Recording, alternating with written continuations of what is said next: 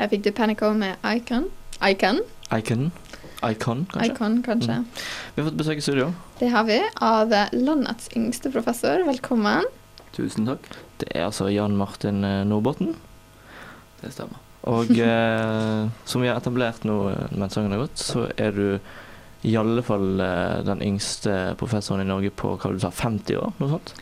Ja, det er jo eh, det er så klart eh, Arne Næss som kanskje inneholder tittelen fremdeles. Og, men det er jo en litt annen tid og en litt annen måte å gjøre ting på Mm. på den gangen. Men eh, det virker nå i hvert fall at eh, siden han, så så er det vel ingen som har vært yngre. Og regner med å beholde denne tronen lenge? Eller er det sånn at eh, man har åpnet eh, the floodgates nå, for kommer de unge hele tiden? Ja, det er nå ikke godt å si. Det er jo alltid reformer og endringer og sånt i systemet, men ja. Jeg får være såpass selvsikker og si at jeg er med å beholde en stund. Mm. Hva er det du eh, driver på med? Hvilke fagfelt er du på? Jeg er matematiker, og anvendt matematiker, som er gjerne sånn vi liker å omtale oss selv. Så det, det er vi som eh, blir inspirert av hverdagen og naturen rundt oss, og så tenker vi at dette skulle vi likt å forstå. Og så begynner vi da å sette oss ned og kanskje skrive noen ligninger, så forsøke å forstå hvilke ligninger som beskriver verden rundt oss. Og så når vi er glad og fornøyd med ligningene våre, så tenker vi hvordan skal vi løse disse ligningene. Og med litt flaks så klarer vi det, og da har vi kanskje en eller annen eh, beskrivelse som hjelper oss å forstå verden. Og hvis vi ikke lykkes, så kan vi søke Forskningsrådet om litt midler, og så får vi litt mer penger til å prøve litt, prøve litt mer. Men eh, hvordan har du klart dette her? Altså i en alder av 28 år å bli professor. Det må jo ha vært mye arbeid da? Ja, det, det er mye arbeid, men eh, for min del så er det jo Det er jo ikke det at jeg setter meg ned og jobber beinhardt siden jeg var yngre, for å si det sånn, og tenkte jeg skal bli professor i matematikk. Det, det var jo ikke det som var måten det skjedde på. Det som skjer, er jo at du kanskje merker at du er litt flink til noen ting. Eksempel jeg er litt flink til matte. Og så merker du at det er gøy også. Og så blir du kjempeinspirert. Og så, hvis du er kjempeinspirert til å med noen, jobbe med noen ting du syns er litt gøy, så får du det kanskje til. Ikke sant? Så, Mhm. så er det enda gøyere. Og så jobber du litt mer, og så, så baller det bare på seg. Var det professor du hadde tenkt å bli når du var yngre? Alle løp rundt i barnehagen og sa de skulle bli brannmann, mens jeg satt, satt liksom på en trestubb og gynget fram og tilbake og sa jeg skal bli professor. Nei, det, det var ikke sånn. Det, det er også noen ting som kom til etter hvert. Mm. Og det var selv, selv om jeg var ferdig med doktorgrad, så søkte jeg også på jobb i industrien. Mm. og vurderte det.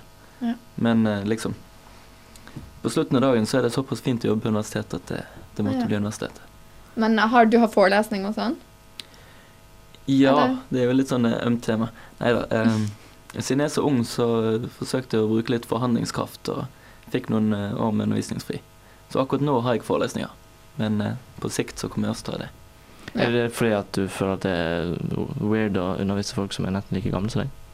Det var jo det jeg sa, da. Men det er jo ikke det som er tilfellet. Tilfellet er jo at jeg syns dette med forskning er kjempegøy. Mm. Og jeg hadde lyst til å ha så mye tid som mulig til det. Ehm, undervisning det er også gøy. Jeg har forelest et par kurs, bare sånn for moro skyld, fordi jeg hadde lyst til. Og det er jo kjempegøy, det òg. Men livet er jo bare så langt. Uansett hvor, mye, hvor gøy noen ting er, ikke sant? så må du jo ha tid til det også. Jeg må Mm. se for meg at det må være veldig kjekt å ha en ung professor. Altså, du blir liksom inspirert på en annen måte òg, da. Mm. Enn en sånn Beklager til mine, ga, mine gamle professorer. er Sånne gamle gubber som står der og begynner å bli litt utdatert. Ja. Da er det fint å ha noe ungt å se på. Det er det på det å si. Nei, men eh, nå, eh, nå gjør du det ukomfortabelt her, Joakim. okay. Jeg må bare spørre siden vi, vi diskuterte dette når sangen spilte, at uh, meg og Malin vi studerer medievitenskap, og da lurer vi på med en gang når vi hører at det er en veldig ung professor, har du akademiske gener? Altså kommer du fra en akademisk anlagt familie? Ja, begge foreldrene mine jobbet jo på universitetet. Så sånn sett så Jeg ble spurt av BT i sommer om det at du liksom kom fra en akademikerfamilie ga deg fortrinn i livet som kanskje gjorde det lettere og sånt. Og det, det vet jeg ikke. Jeg tror foreldrene mine har gitt meg en veldig normal oppvekst. Men uh, det de gjør, var at jeg visste jo alltid om hvordan universitet fungerte. Mm. Spesielt med to akademikerforeldre som sitter og diskuterer studentene sine over middagsbordet. Så skjønner du, så skjønner du hva dette akademiske livet handler om. Og det blir veldig liksom opplært at eh, akademia kan være en fin arbeidsplass, og at det kan være spennende å jobbe i, i Mm. akademia. Jeg ble iallfall- hvert fall litt inspirert. eh, Ja, ja. Jeg kjenner, ja. Så vi gjør det bra på eksamen, ikke sant? Sånn Det skal Så blir det snart oss. Vi sier tusen takk til deg, Jan Martin ha. landets yngste professor.